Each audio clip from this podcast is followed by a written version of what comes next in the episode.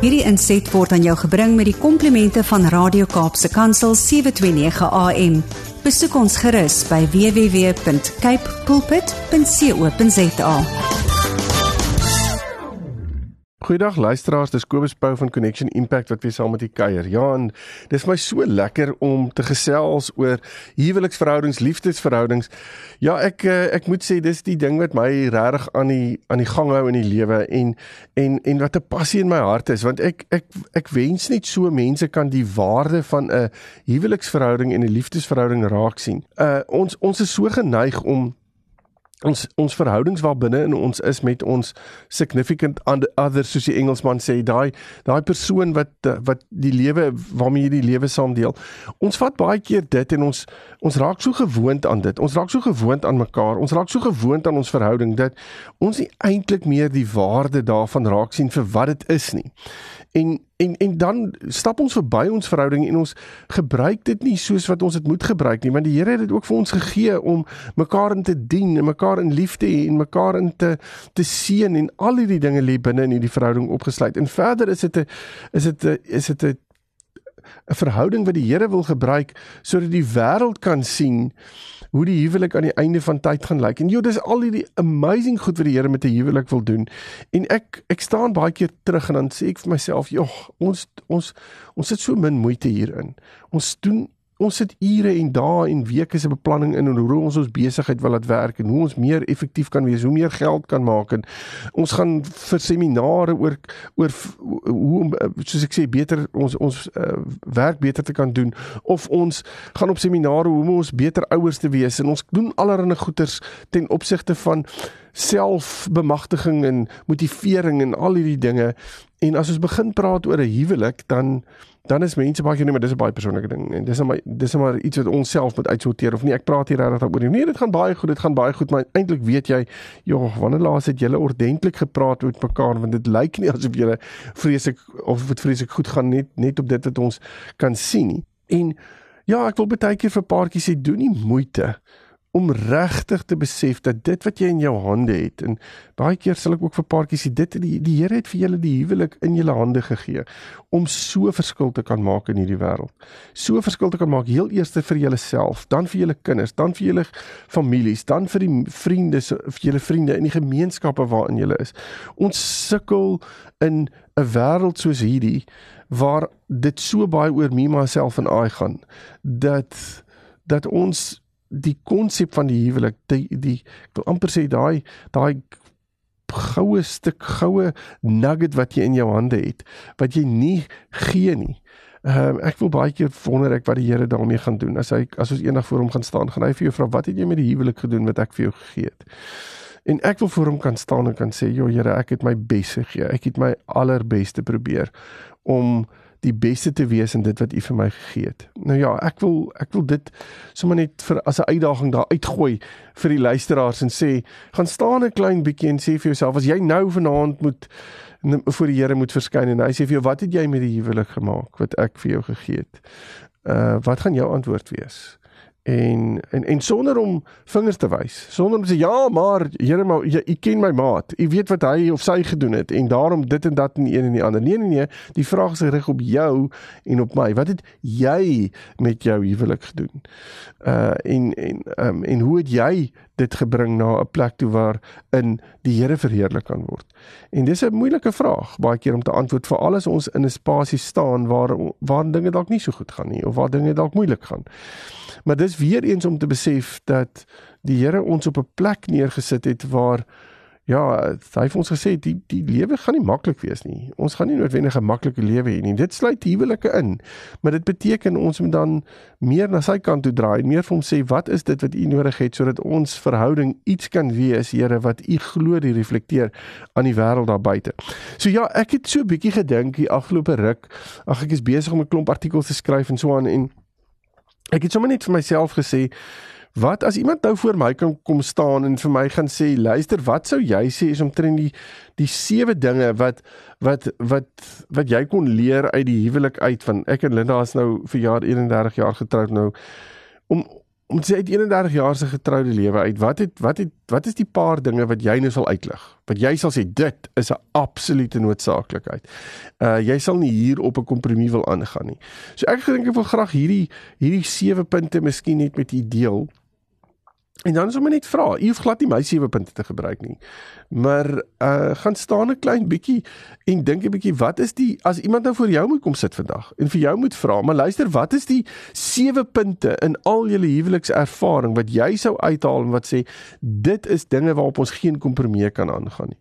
Dis iets wat ons moet verstaan in ons verhouding en iets wat ons geleer het uit ons verhouding. Want as ons hierdie nie uh, gedoen het of toegepas het in ons verhouding, dan sou ons dalk nie gewees het vandag waar ons is nie. So die eerste ene wat wat ek wil deurgee is nogals 'n interessante ene, maar dit het gekom as gevolg van um 'n paar keer se gesprekke met Linda en en nou die dag het ek en sy so 'n lekker gesprek gehad hieroor waarin ons gesê het um Ons moet eintlik meer as een huwelik in een in 'n huwelik hê. Nou dis nogal 'n interessante konsep, maar dis om vir mekaar te kan sê ons huwelik gaan deur verskillende fases gaan. En in 'n sekere sin die fase van ons huwelik sê maar wat, wat hoe dit gewees het voordat ons kinders gehad het, is heeltemal anders as die fase waarin ons was toe ons kinders in die huis was. Dis net heeltemal anders.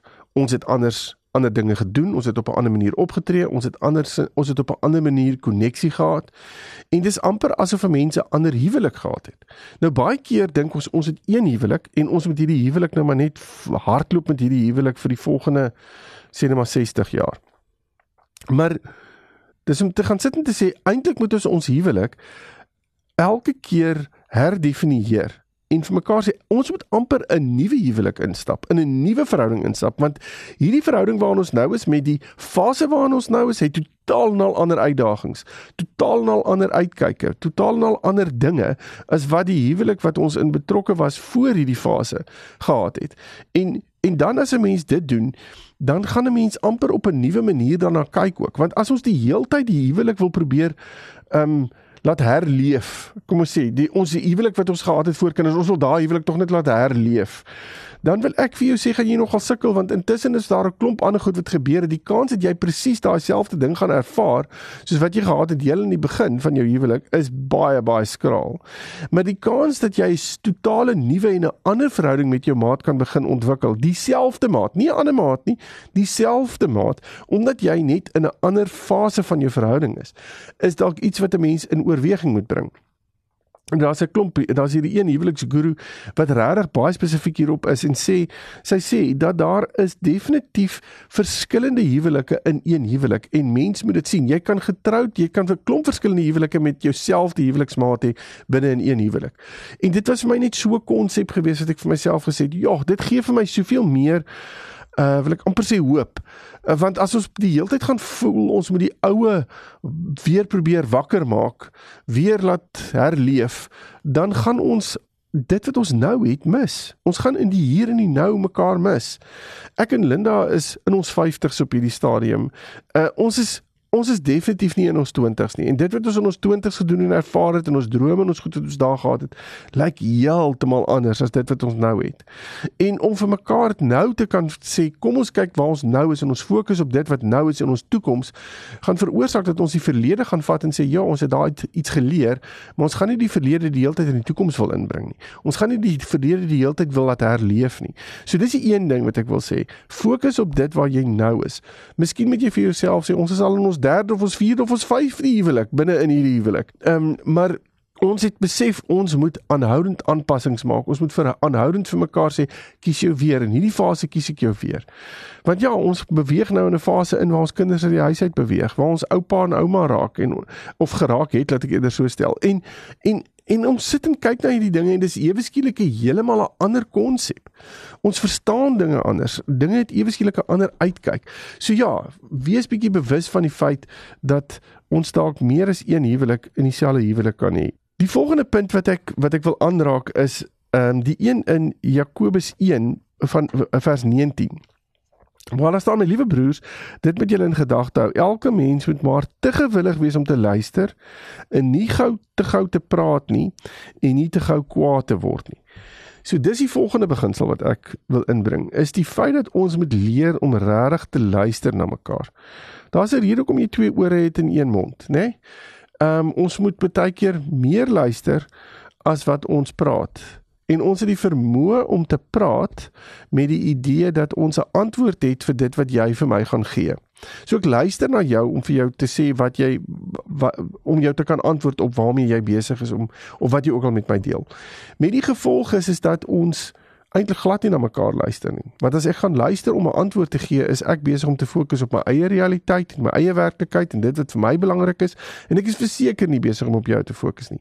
Verder um, is dit belangrik om te sê ek wil nie noodwendig gou kwaad raak nie en hoe gaan ek nie gou kwaad raak dit as ek gaan luister na wat jy vir my sê en die woord van die Here is so duidelik daaroor. As ons gaan luister na mekaar regtig gaan gaan luister met die met die ver, met die hele uitgangspunt om te verstaan wat jou maat sê dan gaan jy nie noodwendig kwaad raak nie. Maar mens raak kwaad as dit vir jou voel dat jou werklikheid bots met jou maat se werklikheid en baie keer gebeur dit omdat ek nie na jou luister nie ek luister net nie na jou nie. Jou jou wêreld is vir my nie belangrik nie. Dis my wêreld wat belangrik is en dan begin hierdie twee wêrelde bots. En omdat jou wêreld baie keer nie sy knie voor my wêreld buig nie, raak ek geïrriteerd met jou. Maar die oomblik as ons van die standpunt af uitgaan, kom ons luister na mekaar. Kom ons doen moeite om mekaar te hoor. Al beteken dit ons moet mekaar sê, luister ek verstaan nie wat jy sê nie, ek wil weer probeer. En ek ons gaan ons ons praat 2, 3, 4 keer dieselfde ding net om mekaar te probeer verstaan, gaan jy nog steeds op 'n plek kom waar jy nie noodwendig gaan kwaad wees vir mekaar nie, maar waar jy gaan die ervaring gaan hê, wow, ons het mekaar gehoor, ons werklikhede het waarde vir mekaar. So doen moeite hiermee. Kommunikasie is nie iets wat so maklik is nie. Kommunikasie is iets wat baie selfgesentreerd is in deesdae se wêreld.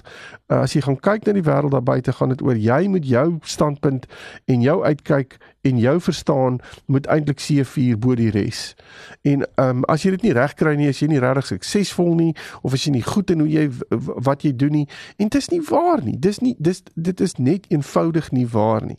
As ons goeie kommunikasie het, beteken dit ons het saam met mekaar gepraat, mekaar se realiteite verstaan, vir beide mekaar se se beide partye se se se realiteite waarde gegee, ruimte gegee en binne in dit dalk 'n splinter nuwe realiteit geskep waarin ons beide bereid is om in te koop. Ons het bereid gewees om beide kompromieë aan te gaan. Ons het kwaad geraak vir mekaar nie. Ons het ons het ons het moeite gedoen om dit reg te kry. Die enigste manier sê ek sê altyd vir paartjies, die enigste manier hoe jy bereid gaan wees om 'n kompromie met iemand anders aan te gaan, is as jy die ervaring het dat daardie persoon jou storie heeltemal uitgeluister het. Daardie persoon die moeite gedoen het om jou realiteit te verstaan. Daai persoon hoef nie noodwendig met jou realiteit saam te stem nie, maar daardie persoon het moeite gedoen om jou realiteit te verstaan. So dis die tweede punt. Die derde punt gaan oor vergifnis. Is om regtig mekaar te vergewe. En dit 'n keuse te maak want ja, kan dit nou 'n ding wees wat baie maklik opduik onvergewensgesindheid. Kyk, jou maat kan net op 'n sekere manier na jou kyk of op 'n sekere manier met jou praat of iets nie gedoen het soos wat jy dit nie wou gehad het nie. Of en ek praat nie van groot goed nou nie, nee, ek praat nie nou net van van buiteegtelike verhoudings of goed wat jy gedoen het wat jou maat reg geafronteer het of iets van die jaar. Ek praat van die klein goedjies. Ek praat van die feit dat jy vandag net nie vir my die kar se deur oopgemaak het nie. Die feit dat jy vergeet het om die voordeur te sluit gisteraand toe ons gaan slaap het of jy nie die alarm aangesit het nie of jy het eenvoudig nie vir my ehm um, die die asdromme uitgesit nie of wat dit ook al mag wees. Daar's die klein klein goedjies wat baie keer kom lê in ons verhouding negatiewe goedjies wat my negatief stem teenoor my maat wat eintlik vir my sê ja ek is eintlik 'n bietjie geïrriteerd met jou en daai klein geïrriteerdheid daai klein stukkie gefrustrasie wat daar lê het die vermoë om my in 'n plek neer te sit waar ek begin om onvergewensgesindheid teenoor my maat op te bou. So moenie dink dit moet altyd hierdie groot goed wees nie. Dis die klein goedjies en baie keer is dit nodig om net te gaan staan en te sê is daar iets in my lewe, iets in ons verhouding wat ek op hierdie stadium op een of ander manier teen my maat hou. Maak nie saak hoe klein dit is nie. Is dit daar? Kom ek gaan doen 'n bietjie selfondersoek. Kom ek gaan staan 'n bietjie en ek raak 'n bietjie stil en ek laat die Heilige Gees net sy lig oor my skyn en my gedagtes laat skyn en vir my sê, is daar iets wat ek teen my maat hou? Here, is daar enigiets wat ek teen my maat hou? En as daar iets is, dit onmiddellik te bely, onmiddellik te vergewe en dan aan te stap van daar af. Want dit is nie so maklik om dit reg te kry nie. Uh baie keer as dit veral as dit groter goederes is, is dit iets wat wat 'n tyd vat en waarin 'n mens gereeld dit moet kies. So wees bewus daarvan vergifnis is nie iets wat gekoppel is aan 'n gevoel nie. Dit gaan nie oor hoe ek voel daaroor nie, dit gaan oor wat ek weet ek moet doen. Want die oomblik as ek vergewe, is ek besig om myself los te maak sodat die Here my kan vergewe. As ek in Matteus, as ek Matteus se skrifgedeelte reg verstaan. En dan die volgende punt is iets wat wat ons mos nou baie vir mekaar sê ons het tyd nie. Nee, daar's nie tyd nie. Nee, ek het nie tyd nie. En uh die interessante is is dat 'n paartjie voor my kom sit en as ek vir hulle sê maar julle het nou 'n uur en 'n half gekry in hierdie verskriklike besige tyd van julle waarin julle nooit tyd kry vir mekaar nie, maar nou is daar ewe skielik tyd en nou vir huweliksberading. Hoe het jy dit reg gekry? Nee, maar daar's nou moeite, daar's nou fout. So nou moet ons tyd maak. Moet ons altyd tyd maak vir mekaar as dit as daar fout is? Nee, verkieslik nie. So kies om tyd eenkant te sit. Gaan vat jou dagboek as jy dan nou moet en gaan sit tyd eenkant vir jou en jou maat. Moenie daardie tyd 'n uh, uh, kompromie met daardie tyd aangaan deur dit te meng saam met vriende en familie en kinders en wat ook al nie. Gaan sê julle het tyd nodig. Sit daai tyd eenkant vir mekaar waarin julle praat oor julle twee. Nie oor enige iets anders nie. Nie oor die werk en die geld en die druk en die kinders en die kerk en ek weet nie wat alles in die familie en die Kersfeesvakansies nie.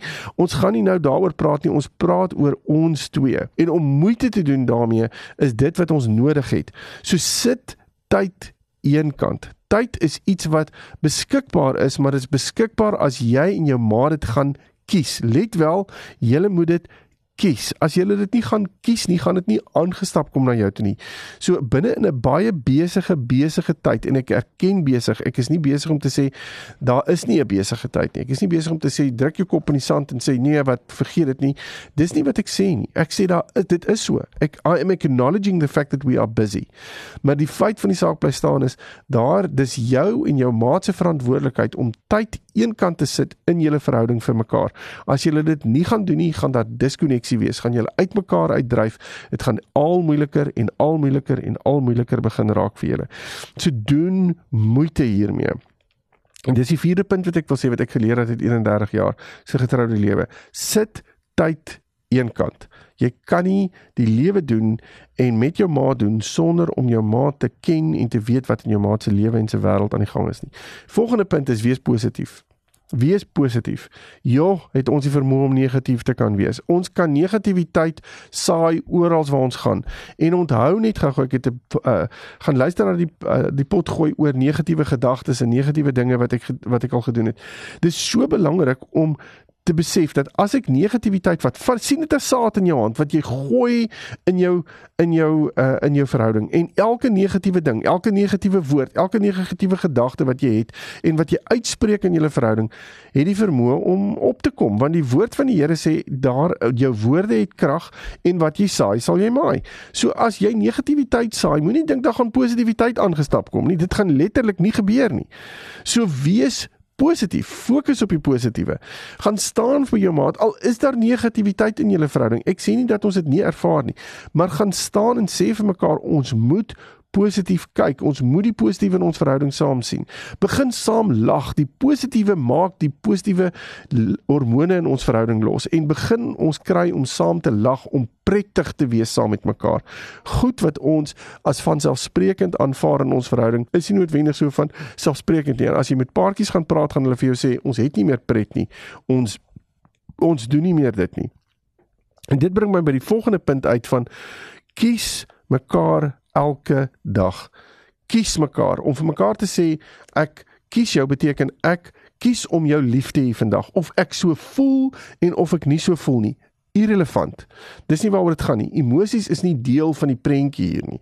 Dit gaan oor dit wat ek weet ek moet kies. So as my maat in 'n verhouding met my is en ek is in 'n huweliksverhouding, gaan daar baie kere wees wat ek voel ek voel nie noodwendig verlief nie, maar kies om lief te hê kies mekaar elke dag. Elke dag gaan staan en sê ek kies my maat, ek kies my maat, ek kies jou, ek kies jou, ek kies jou. En begin daai keuse uitleef in praktiese dade en dinge wat jou maat nodig het om te sien of te ervaar dat hy of sy liefgehê word deur jou. En dan die laaste ene wat eintlik maar seker die eerste een moet wees is bid saam elke dag. Bid saam elke dag.